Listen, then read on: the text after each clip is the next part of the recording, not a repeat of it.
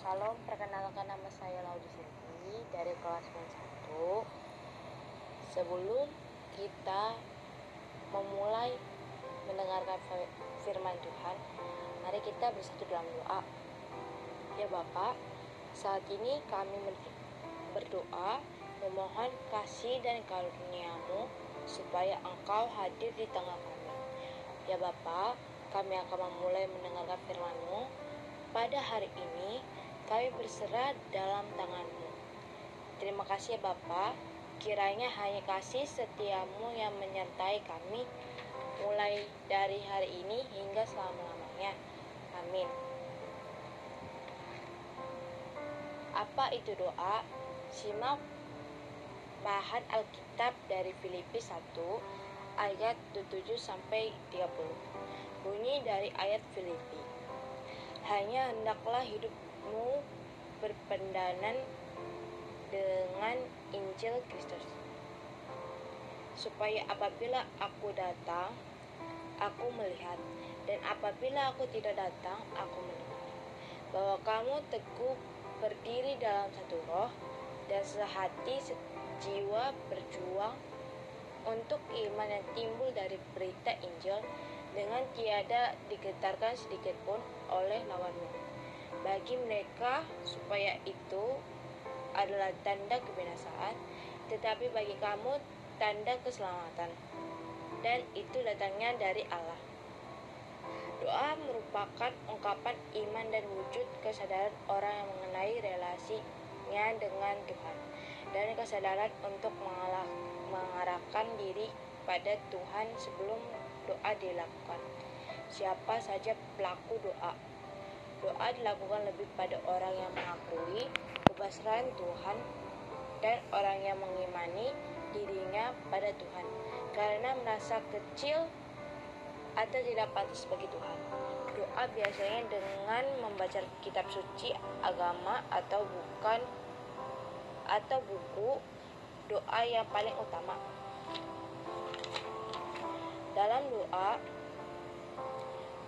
berdoa itu mengatakan apa yang ada dalam hati kita dan apa yang kita imani. Dengan berdoa, orang dapat menghadapi hidup dengan lebih kuat dengan membantuan Tuhan. Berdoa adalah orang sikap berjuang bersama Tuhan dan siap hidup di dalam Tuhan dan doa jangan dianggap sebagai beban, namun menjadi kebutuhan untuk orang yang menyadari bagi dirinya. Makhluk yang dikasihi Tuhan doa sebagai waktu khusus untuk menjumpai dengan Tuhan dan merasakan kasihnya secara khusus. Sekedar duduk dan tidak mengerjakan apa-apa. Seringkali lebih mengganggu kita daripada melegakan kita menjadi tidak berguna dan diam diri di hadirat Allah kita. Merupakan unsur hakiki dari segala doa. Cara berdoa dan sikap dalam berdoa ditentukan oleh pemahaman dan penghayatannya akan Tuhan. Cara berdoa yang benar adalah tidak sok rohani di tempat umum tetapi jika engkau berdoa, masuklah ke dalam kamarmu.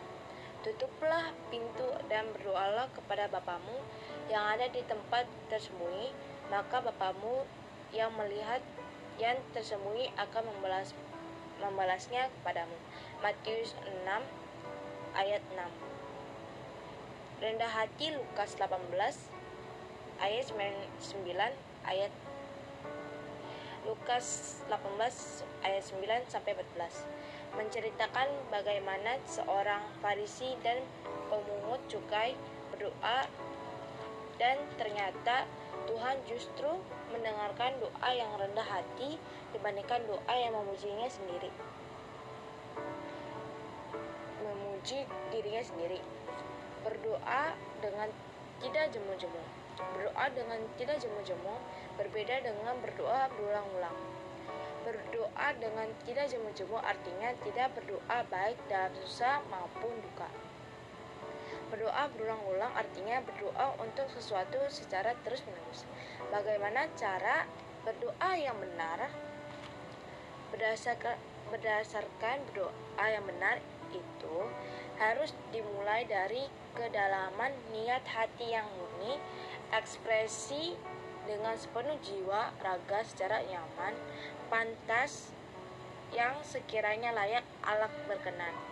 Ungkapan saja isi hati secara wajar, walau dengan kalimat yang sederhana dengan kerendahan hati, tapi jelas dan bermakna.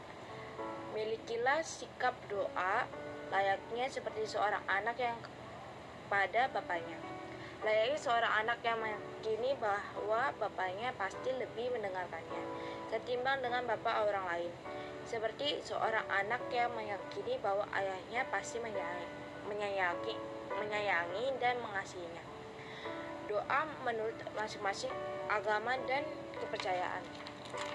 Satu, Islam sembahyang lima waktu dengan khusyuk dan ikhlas. Wajah menghadap ke kiblat, hati tertuju kepada Allah. Lepaskan hubungan dengan yang lain, sembahyang dapat disebut miraj orang beriman. Karena dengan sembahyang, orang beriman terbang lepas ke angkasa luar, luas, tidak berhubungan dengan hal di duniawi.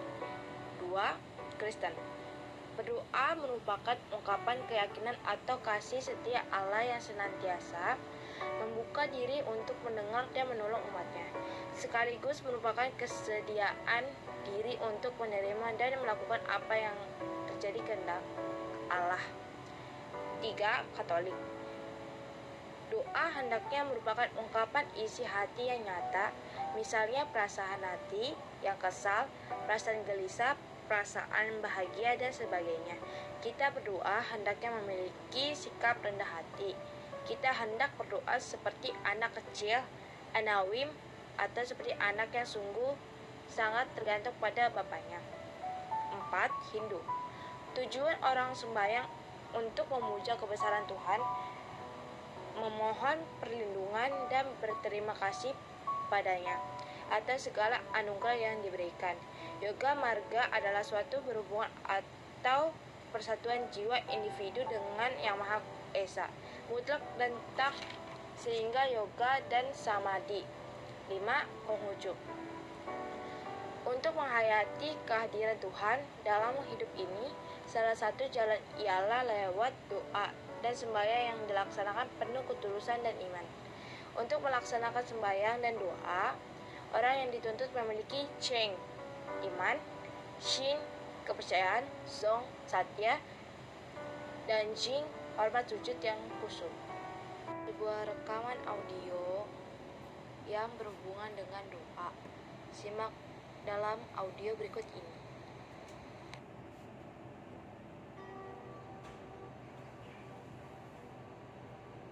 Shalom saudara-saudara yang dikasihi Tuhan Yesus Kristus Salam sejahtera buat saudara semua di mana pun saudara berada damai dan sukacita oleh Roh Kudus melimpah senantiasa dalam hati dan kehidupan saudara semua.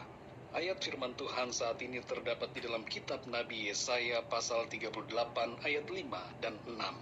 Tertulis demikian, Pergilah dan katakanlah kepada Hizkia, Beginilah firman Tuhan, Allah Daud, Bapa leluhurmu. Telah kudengar doamu dan telah kulihat air matamu. Sesungguhnya aku akan memperpanjang hidupmu 15 tahun lagi, dan aku akan melepaskan engkau dan kota ini dari tangan Raja Asyur, dan aku akan memagari kota ini.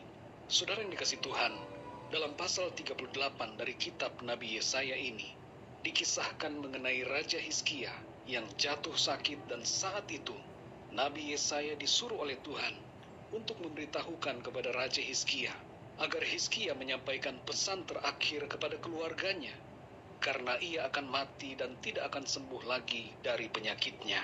Mendengar pesan itu, respon Raja Hizkia adalah berdoa kepada Tuhan. Tertulis dalam Yesaya 38 ayat yang kedua. Lalu Hizkia memalingkan mukanya ke arah dinding dan ia berdoa kepada Tuhan. Setelah ia berdoa dengan sungguh-sungguh sambil menangis, memohon kemurahan Tuhan, Datanglah firman Tuhan kepada Nabi Yesaya, sebagaimana tertulis dalam ayat 5 dan 6. Telah kudengar doamu dan telah kulihat air matamu. Sesungguhnya aku akan memperpanjang hidupmu 15 tahun lagi.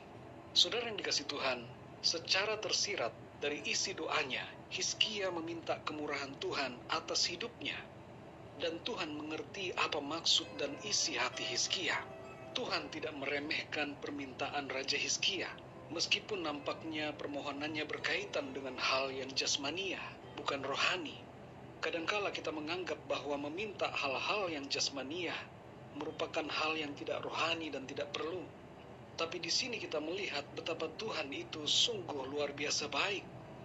Tuhan mau mendengar dan menjawab setiap doa yang dinaikkan oleh orang-orang yang percaya kepadanya. Hizkia yang sudah akan meninggal karena penyakitnya mengalami mujizat kesembuhan dari Tuhan setelah ia berdoa. Tuhan menambahkan umurnya 15 tahun lagi dan menambahkan kepada permintaannya itu berkat, perlindungan, dan kesejahteraan bagi bangsanya. Perhatikan di sini saudara, bahwa Tuhan memberikan lebih daripada apa yang didoakan. Saudara yang dikasih Tuhan, apabila saat ini ada di antara saudara yang sedang mengalami sakit dan merasa hampir mati, saudara dapat berdoa dan meminta kemurahan kepada Tuhan agar diberikan kesembuhan dan dipanjangkan umur di bumi. Dalam Matius 7 ayat 7 sampai 8 Tuhan Yesus berkata, "Mintalah maka akan diberikan kepadamu. Carilah maka kamu akan mendapat. Ketoklah maka pintu akan dibukakan bagimu. Karena setiap orang yang meminta menerima, dan setiap orang yang mencari mendapat, dan setiap orang yang mengetok baginya pintu dibukakan. Ada kepastian jawaban Tuhan terhadap doa-doa kita. Kalau kita meminta, maka Tuhan akan memberikannya kepada kita. Dalam Yohanes 15 ayat 7 Tuhan Yesus berkata, Jikalau kamu tinggal di dalam aku dan firmanku tinggal di dalam kamu, mintalah apa saja yang kamu kehendaki dan kamu akan menerimanya. Saudara yang dikasih Tuhan, Jangan takut untuk meminta apa saja kepada Tuhan. Ketika kita ada di dalam Dia dan firman-Nya ada di dalam kita, maka Tuhan berkata, "Mintalah apa saja, dan kamu akan menerimanya." Tuhan mengerti apa yang kita perlukan. Bahkan dalam ketidaksempurnaan doa kita pun, Tuhan masih mengerti dan memberikan jauh melebihi dari apa yang kita minta dan doakan sebagaimana yang tertulis dalam Efesus 3 ayat 20 bahwa Tuhan dapat melakukan jauh lebih banyak dari apa yang kita doakan atau pikirkan. Saudara yang dikasih Tuhan, ada mujizat dalam berdoa. Ketika kita berdoa, kita sedang mengundang kuasa Tuhan untuk bekerja dalam hidup kita. Dalam Yakobus 5 ayat 16 bagian B tertulis, doa orang yang benar bila dengan yakin didoakan sangat besar kuasanya saudara dan saya adalah orang-orang benar karena telah dibenarkan oleh kuasa darah Tuhan Yesus Kristus. Saudara yang dikasih Tuhan, apakah saudara sedang mengalami suatu persoalan atau penyakit saat ini? Saudara dapat berdoa, meminta pertolongan Tuhan. Jangan takut untuk meminta.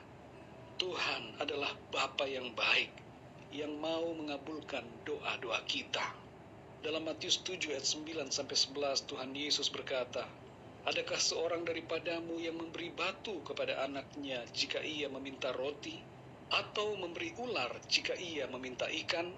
Jadi, jika kamu yang jahat tahu memberi pemberian yang baik kepada anak-anakmu, apalagi Bapamu yang di sorga, ia akan memberikan yang baik kepada mereka yang meminta kepadanya.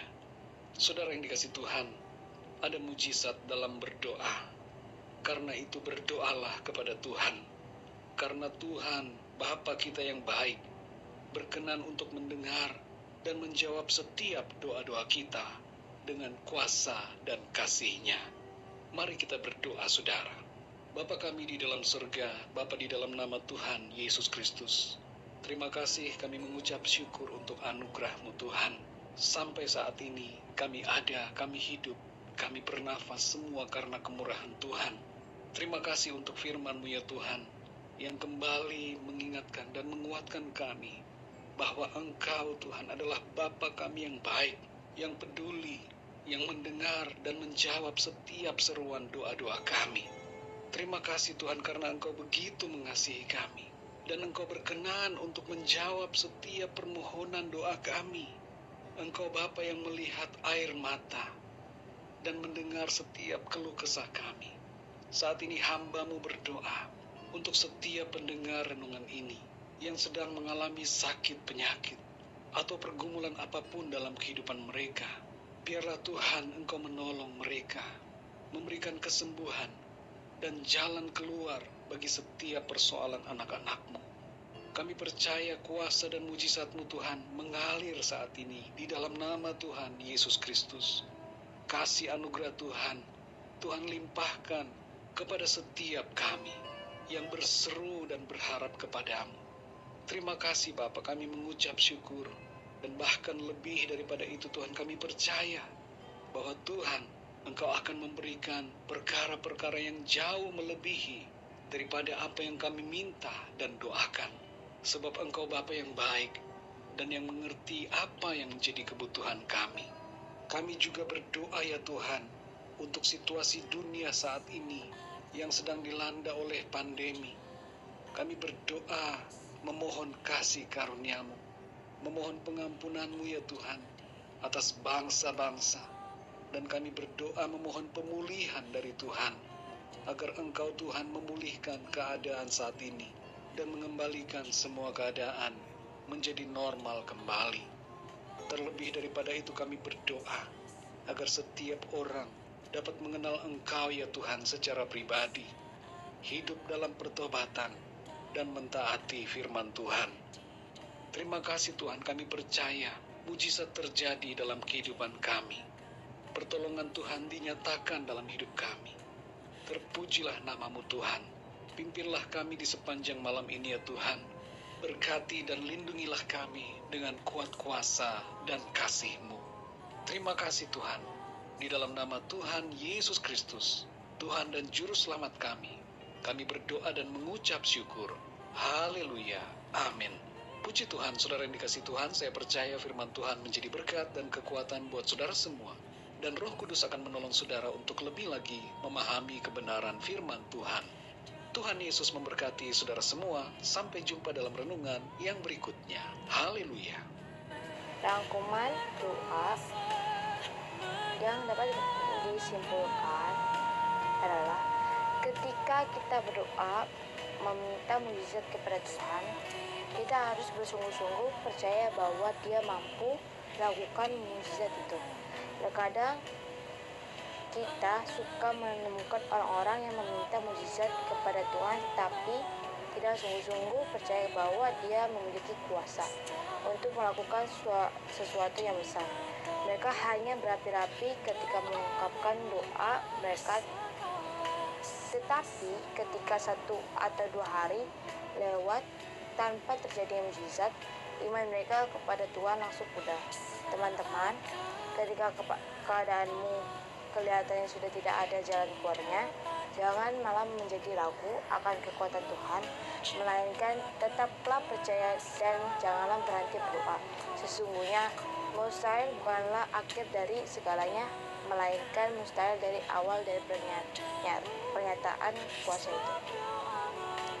Ketika kita berada di tengah-tengah keadaan sulit, di mana mujizat itu dibutuhkan, Janganlah menjadi takut dan pusing memikirkan hal-hal buruk yang akan terjadi kepadamu, melainkan jadilah bersemangat.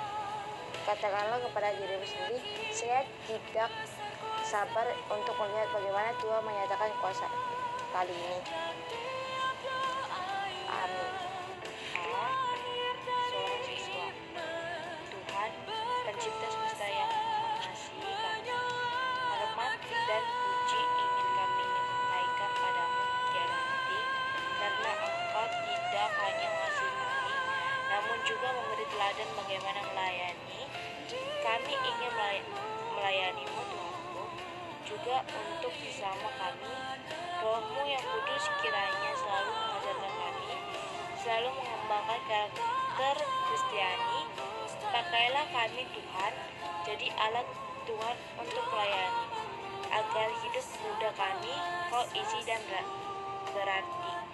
Kami sungguh ingin melayanimu, Kristus Yesus, Tuhan kami. Amin. sekian presentasi yang dapat saya simpulkan. Kurang lebih mohon maaf bila ada perkataan dalam presentasi saya kurang berkenan. Terima kasih, sampai jumpa kembali. Shalom saudara pendengar Selamat datang di channel Suara Kasih Saya harap kasih Tuhan Yesus selalu menyertai kita setiap saat Dan hidup kita selalu dipenuhi oleh berkat Yang menjadi renungan kita hari ini adalah Inilah tiga ciri-ciri orang Kristen bertumbuh secara rohani Ada satu waktu di mana seorang manusia akan bertumbuh dan berkembang dengan seiring berjalannya waktu. Tapi terkadang pertumbuhan itu tidak selalu bisa diukur dan melihat usia. Jadi bukan berarti orang yang sudah berusia dewasa dapat dikatakan sudah memiliki sikap yang menunjukkan kedewasaan. Anak muda dan remaja juga tidak bisa dipandang sebelah mata, dikarenakan tingkat kematangan emosinya Semuanya tergantung dari pengalaman yang sudah diperoleh di dalam hidup, serta kemauan diri untuk menjadikan dirinya lebih berkembang dari usianya. Sama halnya dengan urusan kerohanian, alias pertumbuhan di dalam Tuhan. Kita tidak bisa menilai kedewasaan seseorang di dalam Tuhan hanya karena dia pertama kali lahir baru atau pertama kali dibaptis. Kita juga tidak boleh menilai kedewasaan seseorang secara rohani hanya karena mereka sering melayani atau bahkan sering pergi ke gereja. Jadi dari manakah seseorang layak dapat dikatakan dewasa secara rohani? Inilah tiga ciri-ciri orang Kristen bertumbuh secara rohani. Yang pertama, Seseorang yang dewasa dan bertumbuh secara rohani adalah seseorang yang rendah hati.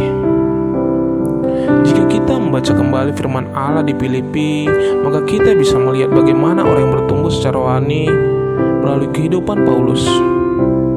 Pertama, dia menyebut dirinya sebagai hamba Kristus Yesus. Dalam Filipi 1 dikatakan dari Paulus dan Timotius, hamba-hamba Kristus Yesus kepada semua orang kudus di dalam Kristus Yesus di Filipi dengan para penilik jemaat dan diaken.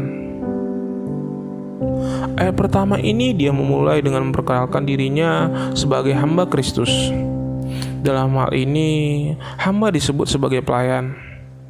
Pada masa itu istilah ini bukan sekeren hari ini yang kita pakai untuk para pendeta atau pelayan yang sering menye selalu menyebut diri mereka sebagai hamba.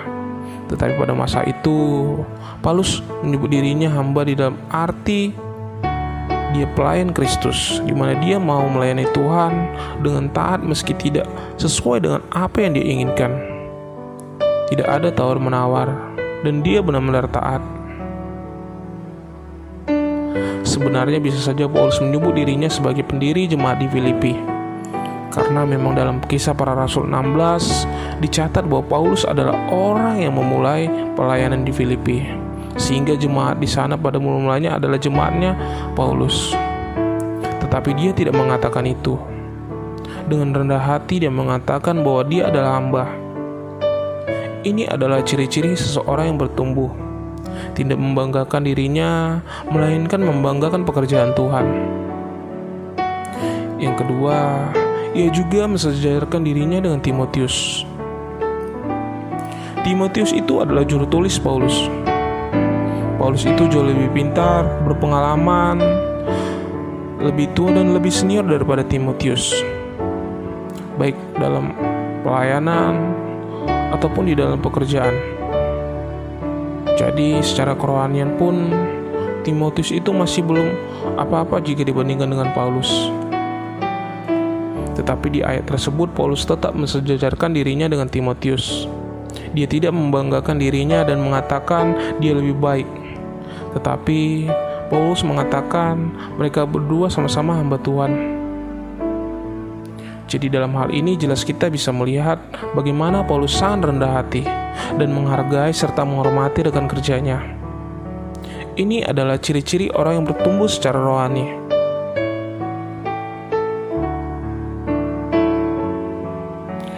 kedua, orang Kristen yang bertumbuh adalah orang Kristen yang mengasihi sesamanya. Dalam Filipi 1 ayat 7 sampai 8, Paulus mengatakan hal ini kepada jemaatnya. Memang sudahlah sepatutnya aku berpikir demikian akan kamu semua, sebab kamu ada di dalam hatiku. Oleh karena kamu semua turut mendapat bagian di dalam kasih karunia yang diberikan kepadaku. Baik pada waktu aku dipenjarakan maupun pada waktu aku membela dan meneguhkan berita Injil. Sebab Allah adalah saksiku betapa aku dengan kasih mesra Kristus Yesus merindukan kamu sekalian.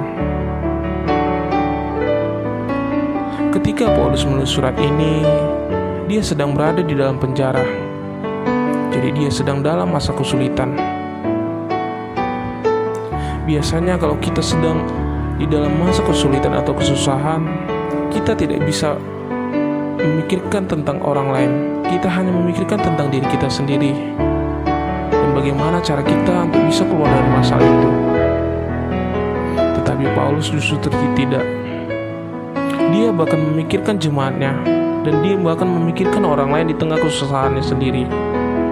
Dia tetap memikirkan dan mengasihi orang lain. Jadi, coba kamu renungkan ini. Apakah kamu cenderung memikirkan dirimu sendiri ketika kamu dalam kesusahan, ataukah kamu masih memikirkan orang lain juga ketika kamu dalam kesusahan?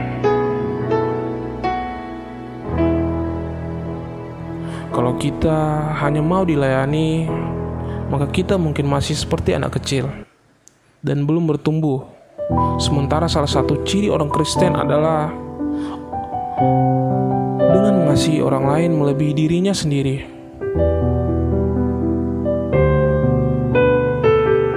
Jadi, mulailah memikirkan orang lain dahulu daripada memikirkan diri kita sendiri.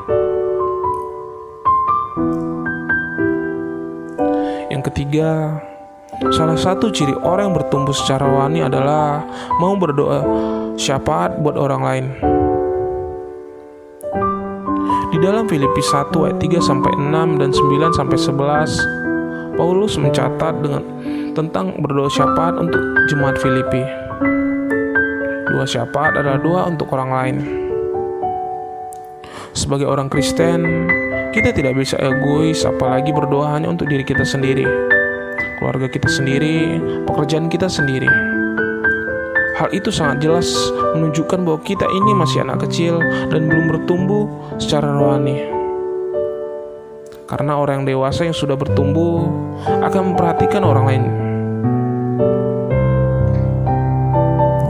Karena Paulus menunjukkan bahwa dia jarang berdoa untuk dirinya sendiri dia selalu berdoa untuk orang lain dan untuk pernah meminta orang lain berdoa supaya dia lebih banyak berdoa untuk jemaatnya.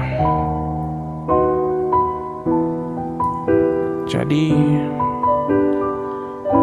apakah kita seorang pendoa syafaat atau apakah kita berdoa untuk penginjilan atau hanya untuk kepentingan pribadi diri kita sendiri? Jika kita masih memikirkan tentang diri kita sendiri, maka itu menandakan bahwa kita belum bertumbuh secara rohani. Akhir kata, saya harap tiga ciri-ciri orang Kristen bertumbuh secara rohani ini bisa bermanfaat dan memberkati hidup kita dan bisa membuat kita menjadi pribadi yang betul-betul bertumbuh di dalam Tuhan sehingga kita layak menjadi berkat di dalam hidup kita dan bisa menjadi berkat bagi orang lain juga. Terima kasih sudah mendengarkan renungan ini. Saya harap renungan ini bisa bermanfaat dan memberkati hidup kita. Sampai jumpa di renungan kita berikutnya. Tuhan Yesus memberkati.